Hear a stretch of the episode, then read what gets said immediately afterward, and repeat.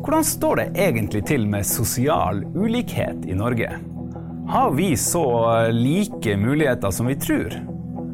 Sosiolog Unn Doris Karlsen Beck er ekspert på feltet og deler sine syn med oss i denne her episoden av Observatoriet.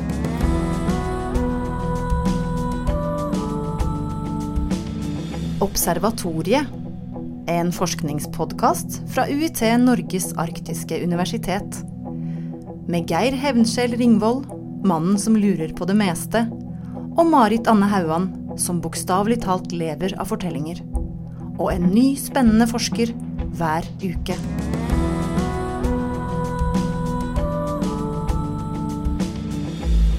Yes, Marit. Eh, hvor langt går det tilbake i din familie å utdanne seg ved universitet? Ja, det går ikke tilbake. Du er Det er liksom meg. Ja. Du er der, ja. Ja. ja mine foreldre har gått universitet, men, men det er liksom der. Eh, etter der så var det håndverkere. Ja, jeg er like gammel som dine foreldre. Ikke sant, ja. ja. Det ser du. Det her er jo eh, ganske eh, spennende greier. da. Når eh, nå Universitetet i Tromsø er blitt eh, 50 år, og eh, flere og flere benytter seg av det. Eh, hva er det som skjer med eh, samfunnet vi lever i? Ja, sånn, man skulle jo håpe at et samfunn som blir klokere gjennom utdanning og forskning, at det også blir et bedre samfunn. At, vi, at forskning og forskningsbasert utdanning skaper en bedre verden. Ja, vet du hva? Vi kan eh, høre med kilden sjøl, holdt jeg på å si. For vi har nemlig fått besøk av hun Undoris Carlsen Beck, eh, som er professor i sosiologi, og har da utdanningssosiologi som eh, sitt spesialfelt. Og du brenner ekstra for eh, sosiale ulikheter. Velkommen hit. Tusen takk. Yes, Sosiale ulikheter, eh, er det noe som Jeg har ikke inntrykk av at det er så mye i Norge, men det er, tar tar kanskje helt feil? Der tar du helt feil. Um, altså Som sosiolog så er det det jeg har vært mest opptatt av gjennom hele Altså helt fra jeg var student, faktisk. Um, sosial ulikhet og hva slags rolle utdanningssystemet har i forhold til det. Og da er det forskjellige former for sosial ulikhet som jeg har vært opptatt av. Um, det har vært i forhold til eh, sosial bakgrunn, sosial klasse, hva foreldrene dine har slags utdanning og yrke. Um, kjønn, veldig viktig. Etnisitet. Og også geografiske, geografiske variabler. Altså hvordan det stedet hvor du vokser opp, hva slags betydning det har for, for din egen utdanningskarriere og utdanningsvalg. Eh, når jeg sa at det, det kanskje ikke var forskjeller her i Norge, så tenker jeg at det er eh, andre plasser i verden hvor det er mer forskjeller. Men eh, du sier altså at det er ganske mye vi har å gå på også her. Ja, jeg syns det er en veldig viktig problemstilling som du tar opp der. fordi at um, det er nok sånn i Norge at vi ofte tenker at eh, altså vi er et egalitært samfunn, og eh, alle som vokser opp har de samme mulighetene, bl.a. for å realisere utdanningsambisjoner og utdanningsplaner. Men sånn er det jo ikke. Eh, Vi har veldig mye statistikk og annen forskning som viser at um, altså sosial ulikhet i utdanning er noe som består. Og at utdanningssystemet faktisk fremdeles kan ses på som en sånn både produsent og reprodusent av sosial ulikhet. Men altså, hvordan kan det være når massene har gjort sitt inntog på universitet? Altså sosial ulikhet eh, Tidligere når, når folk eh, fikk eh, syv år i folkeskole eller gikk ni år, og så begynte de å kjøre gravemaskin eller gå på Kongsbakken eller videregående skole eller noe sånt, da, skjønner jeg det. Men altså, vi har jo hatt en stor inngang i i univers- i universitetsutdanning i Norge. Og da må jo også de ulike sosiale kategoriene eller klassene ha kom, funnet veien til universitetet. Ja, altså Vi har jo hatt en enorm eh, mobilitet gjennom utdanningssystemet. Eh, men det er fremdeles sånn at vi finner eh, altså klare forskjeller i forhold til eh, karakterer eh, gjennom hele utdanningsløpet. Fra barneskolen, ungdomsskolen, videregående utdanning og også høyere utdanning. Hvor vi finner liksom spor av de her, den sosiale ulikheten. Eh, Så den er definitivt til- stede. Altså vi finner det i nasjonale prøver, f.eks. på de 5. og 8. klasse.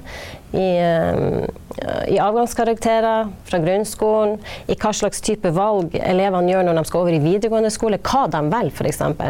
Altså hvis vi ser på, på yrkesfag, så er 70% av de elevene er, er elever som har foreldre med lav utdanning sjøl.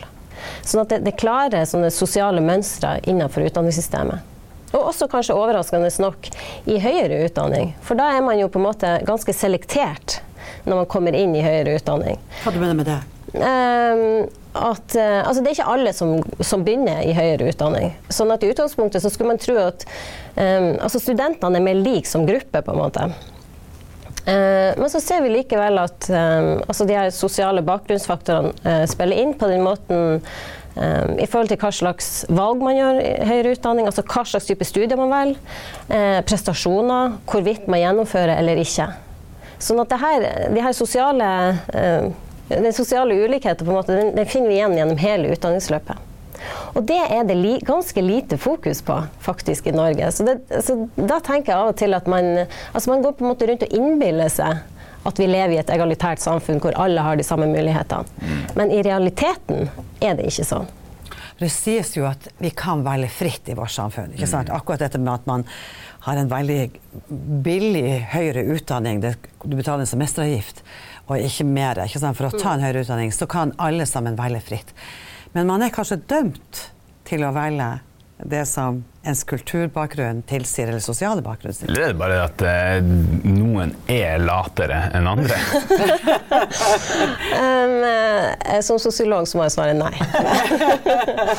nei, altså det er jo veldig mange faktorer som har betydning. Og, og altså, ofte når vi snakker om Nord-Norge, så trekker vi inn denne kulturforklaringa. Altså at det er noe med nordlendingen som gjør at man, at man gjør andre valg i utdanningssystemet.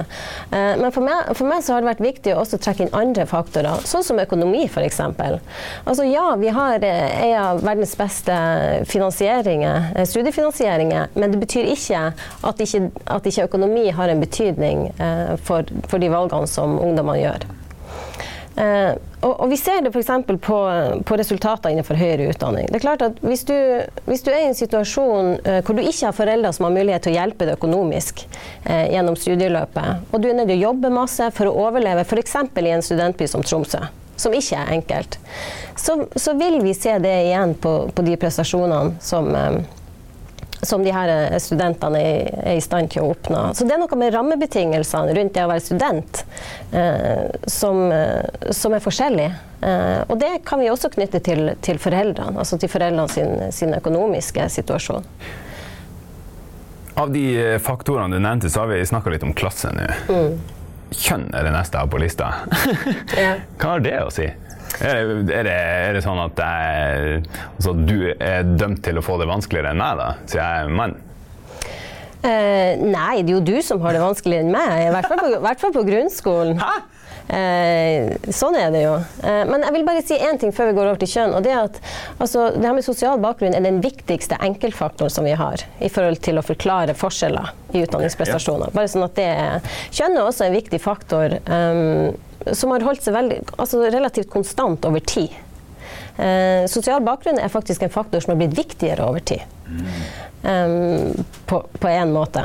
Um, men ja, altså kjønn altså, I dag så er det jo sånn at jentene presterer bedre enn guttene og oppnår høyere resultater gjennom utdanningssystemet. Samtidig så har vi et kjønnsdelt utdanningssystem. Eh, når vi kommer til videregående utdanning, så ser vi at jenter og gutter velger forskjellig i stor grad. Um, og også innenfor høyere utdanning. Men vi har vel kanskje sett en forskyvning. Mens når jeg var barn, så var det jo ikke en kvinnelig lege å se i mils omkrets. Men i dag så er, har jentene eller kvinnene inntatt medisin som fag. Så vi har vel kanskje en, en forskyvning i Absolutt. Ja. Um, både medisin og også en del av de andre profesjonsfagene. Um, Juss f.eks. Er, jo, er jo jentene i stort overtall nå. Uh, og det blir jo spennende å se hva det gjør med de her yrkene uh, over tid. Altså denne forskyvninga i forhold til kjønn. Um, ja. Men altså, du sier at det er stabile forhold, ikke sant. Dette med, dette med sosial bakgrunn eller klasse, det er noe som det er en ting som holder seg fast, altså, som er en veldig sånn stabil faktor, og den viktigste faktoren. Men nå har jo nå har jo arbeidsmarkedet endra seg kolossalt. Ikke sant? Det er jo steder som nærmest blir avfolka fordi at man ikke har noen kanskje, Det finnes ingen yrker å velge i på de stedene. Mm. Kanskje bortsett fra aldershjem, jobber på aldershjemmet. Um, så det har jo vært noen veldig sånn store strukturendringer i samfunnet de siste kanskje 30 år, 20-30 år. Uh, og det må da Det må også virke inn på, på den første gener altså yngste generasjonen. Hvor, mm Fordi at der er ikke noe, Du kan ikke ape etter far din, du kan ikke liksom gå i fotsporene til mor di. Liksom, det er ikke der det, der det ligger. Hva skjer da?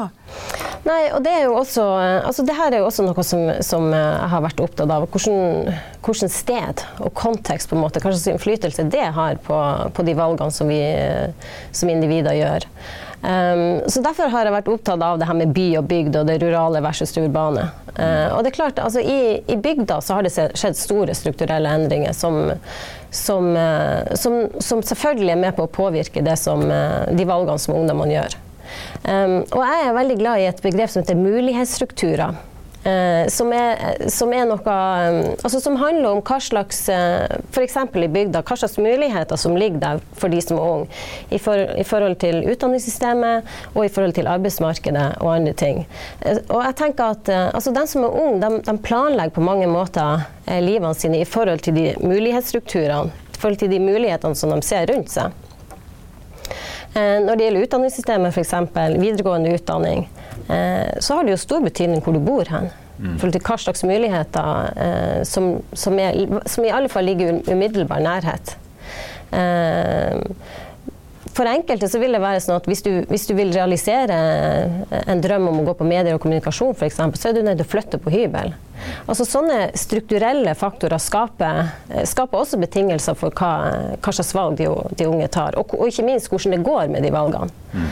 Uh, og, altså, det her med geografiske utdanningsforskjeller er også noe som vi ser uh, gjenspeiles gjennom hele utdanningsløpet. Uh, igjen, nasjonale prøver både i 5. og 8. klasse, så ser vi at, er, at altså prestasjonene varierer med sted, med geografi. Um, og innenfor uh, altså frafallsforskning, frafall fra, fra videregående utdanning, så har jo det vært veldig sterkt fremme. Hvordan, uh, hvordan frafallet for videregående utdanning har vært uh, altså betydelig større i, i, enkelte områder i Nord-Norge enn, enn de fleste andre plassene i landet. Sånn at stedet har betydning. Men altså, hvis du nå var fra Senjehopen eller Balstad et fiskerisamfunn hvor menn i generasjoner har gjort store penger, blitt helter pga. fiskeriene sine, kommet hjem og forkjælt familien med gode ressurser. Hvorfor, altså, det? det virker litt sånn litt moralsk hvis man tenker at alle skal gjøre de samme valgene. Her, er det jo, her må du være fristende for de unge guttene å, velge seg inn i en sånn helterolletenkning. Må de absolutt ha videregående utdanning? Nei. Det må de, det må de ikke. Nei. Nei, eh, nei. jeg tenker ikke at alle må ta videregående utdanning, men alle bør ha mulighet til å gjøre det. Så det er noe med at man, man må um, Altså For meg så ligger det en eller annen slags urettferdighet i at man ikke har de samme mulighetene til å realisere utdanningsdrømmer eller utdanningsambisjoner. Uh, fordi at strukturene er satt sammen på en, på en bestemt måte. Um, men at folk velger utafor det som vi på en måte i dagens kunnskapssamfunn forventer og uh, det, syns jeg er helt greit. Eh, men, men, det er noe med at, eh, at muligheter må, må, være like for, eh, for alle. Også, og en annen ting er jo, altså, så, som, som, forsker så må jeg jo si at uh, jo, jeg kan godt være med på at altså, Er det virkelig et problem at uh, så mange dropper ut av videregående, uh, f.eks. i Finnmark? Uh, for det er ikke alle som liksom, dropper ut til ingenting som, som sitter hjemme og som sover hele dagen. Mm. Eller, eh, altså, en del av dem har jo jobber, finner jo jobber i lokalsamfunnene. For det finnes fremdeles lokalsamfunn hvor du, hvor du kan få jobb uten, eh, uten noen formelle kvalifikasjoner. Eh, men det problematiske er det for dem som eh, Og det her viser forskninga. Altså hvis man følger de her eh, over tid, f.eks. 10-15 år fram i tid, så ser vi igjen de her drop-outene på sånne statistikker som som ikke er så bra å være på.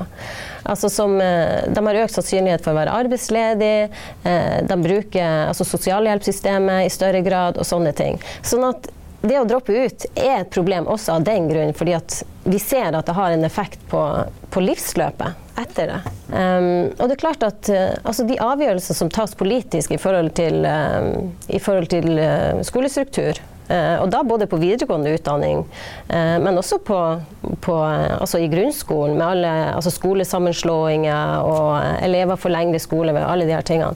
Altså det har en effekt. Så strukturene har en effekt på, på utdanningsmotivasjon og, og utdanningskarriere. Går du altså konkret inn i et lokalsamfunn eller et område, og så så sjekker du ut elevene, og intervjuer du dem, eller går du bare i folketellingen og i skattelistene til foreldrene, eller hvordan, hvordan gjør du selve forskninga? Eh, akkurat nå så jobber jeg på et forskningsprosjekt om geografiske utdanningsforskjeller. Og, da, og for meg så har det bestandig vært viktig at um, altså For å undersøke problemstillinger på en grundig og ordentlig måte, så trenger vi mange ulike metoder. Og bruker mange ulike metoder. Så I det forskningsprosjektet så har vi forskere som jobber med statistikker, med registerdata og med liksom kommuneøkonomi og alle de der tingene, og ser på hva slags effekt det kan ha. Uh, men så uh, intervjuer vi også både foreldre og elever og lærere og skoleledere om de samme problemstillingene. Sånn at, um, så for meg er det veldig viktig. Vi, altså for å få altså best mulig kunnskap om, om de her problemstillingene, så er vi nødt til å angripe det på en måte med forskjellige metoder. Uh, for at de her altså statistikkene og de her statistiske analysene greier ikke å svare på um, altså individene sine motivasjoner og tanker og, og erfaringer som da eh, skaper en retning på de valgene som de tar. Jeg syns det her er veldig spennende, Geir. Altså, det handler jo om eh, det handler om å gå inn til kjerna, for, forstå personenes handlinger og bakgrunnen for deres handlinger. Eh, jeg syns det er utrolig fascinerende at man også setter det sammen med andre vitenskaper sine metoder og perspektiver. Men, men hvordan hvordan kommer denne forskninga samfunnet til gode? Dere publiserer sikkert internasjonalt og får priser her og der. Og, og møtes på konferanser i Tasmania og London og New York. og alle disse feterte plassene. Og så, Men hvordan, hvordan får politikerne og foreldrene og ungdommen sjøl tilgang på denne kunnskapen? Altså ja. Apropos mulighetsstrukturer. Ja. altså det er jo et kjempeviktig poeng, det du sier der. Og i, i akkurat dette prosjektet så, så, vi, så, er en del av prosjektet det er en sånn, sånn innovasjons- eller sånn tiltaksdel, hvor vi i samarbeid med kommuner og skoler og på bakgrunn av de forskningsresultatene som vi kommer fram til, også skal prøve å utvikle noen eh, altså å teste ut noen sånne tiltak i forhold til hvordan, eh, hvordan vi kan gjøre noe med de her problemene som vi ser da, i forhold til geografiske utdanningsforskjeller. Eh, men så, så, tenker jeg jo også at vi som forskere har, og er nødt til å ta i større grad ansvaret for å få den kunnskapen som vi har, ut til, til de som faktisk skal bruke kunnskapen. Så um, vi prøver jo å gjøre vårt Skrive brev til utdannings... Nei, men så er det jo fint å se at, eh, at når NOU-er lages og sånn, så, så, så, bruker de faktisk forskninga vår.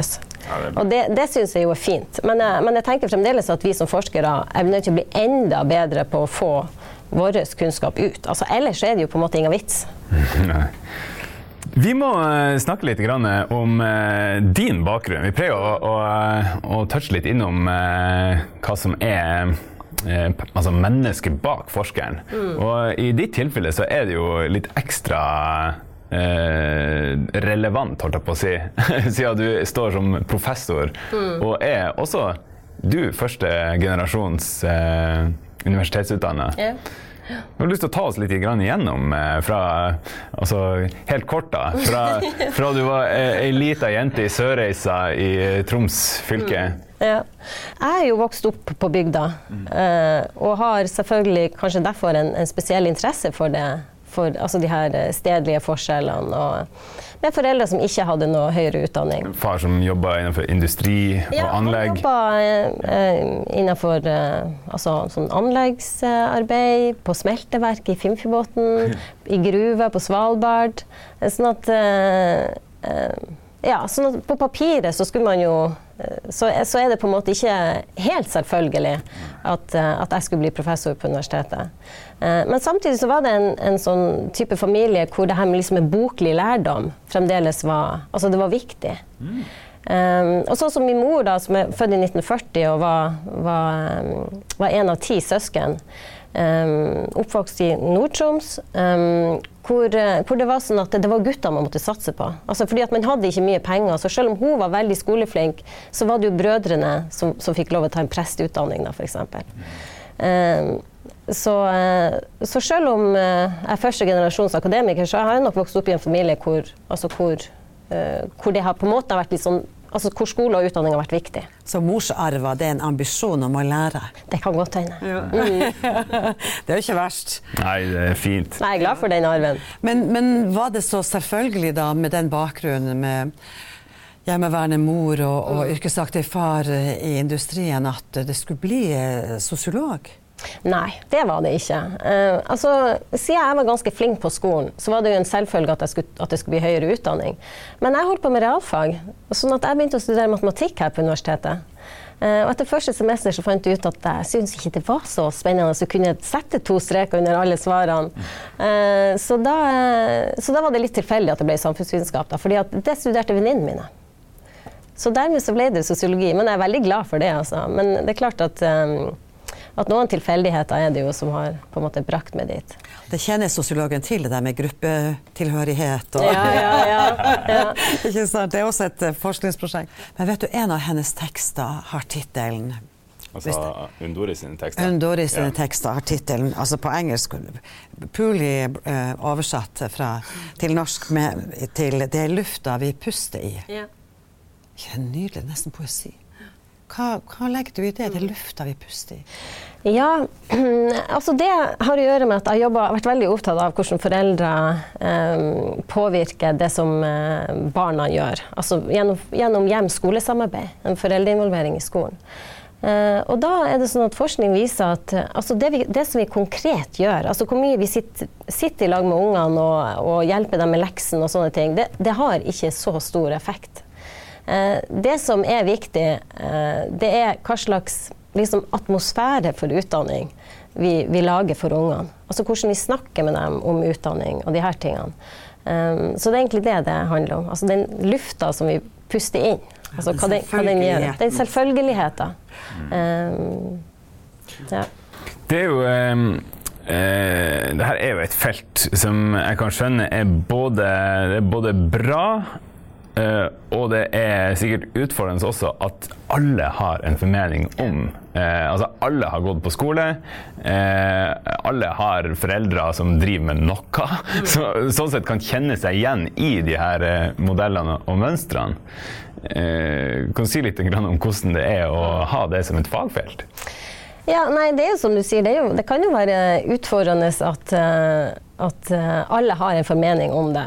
og det gjelder jo ikke bare um, altså foreldre og sånn, men også eh, altså i de politiske diskusjonene f.eks. Altså, utdanning er bestandig sånn hot topic i, i valgkamper, og, og, da er det ofte at man kan sitte der litt sånn at man skulle gjerne ha, eh, ha kunnet eh, Forska på metangass i Arktis og sånn.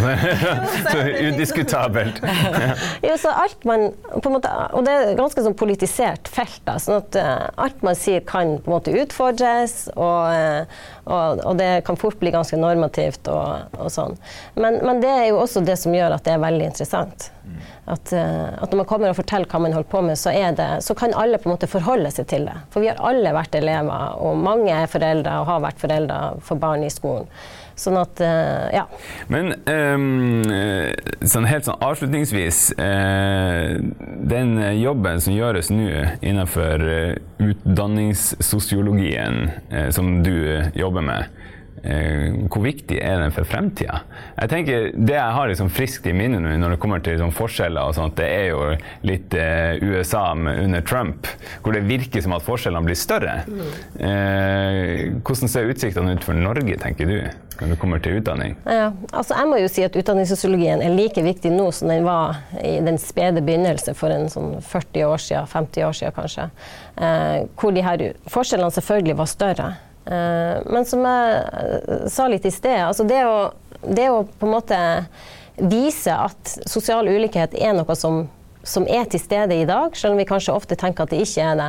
Eh, det å stadig liksom skape søkelys på det, tenker jeg er veldig viktig. Og så er det faktisk sånn at um, det har vært en sånn evaluering av Kunnskapsløftet uh, som viser at um, sosial bakgrunn har større effekt, har fått større effekt med Kunnskapsløftet enn det hadde tidligere. Uh, på, og spesielt i ungdomsskolen. Resultatene i ungdomsskolen. Og det kommer antageligvis av at man eh, gjennom Kunnskapsløftet har, har valgt å bruke en del eh, altså læringsmetoder, prosjektarbeid, som, som, er med på å, å favorisere enkelte elevgrupper framfor andre. Eh, sånn at det er veldig viktig å holde det her fokus på sosial ulikhet, også i Norges rikeste land. Et verdens rikeste land. Ja, verdens rikeste land. Verdens rikeste land. Unn Doris Karlsbæk, tusen hjertelig takk. Jeg merker jeg fikk så lyst til å høre mer. Um, så sier vi tusen hjertelig takk. Takk for at dere ville høre på meg. Kjempespennende.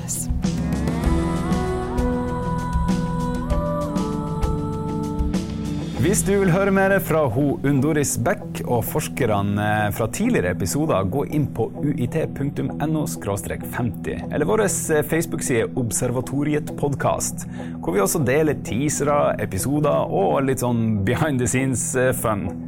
Vi blir også veldig glad om dere abonnerer på podkasten via Soundcloud, iTunes eller andre podkastkanaler. Nye episoder og ny forsker kommer hver torsdag.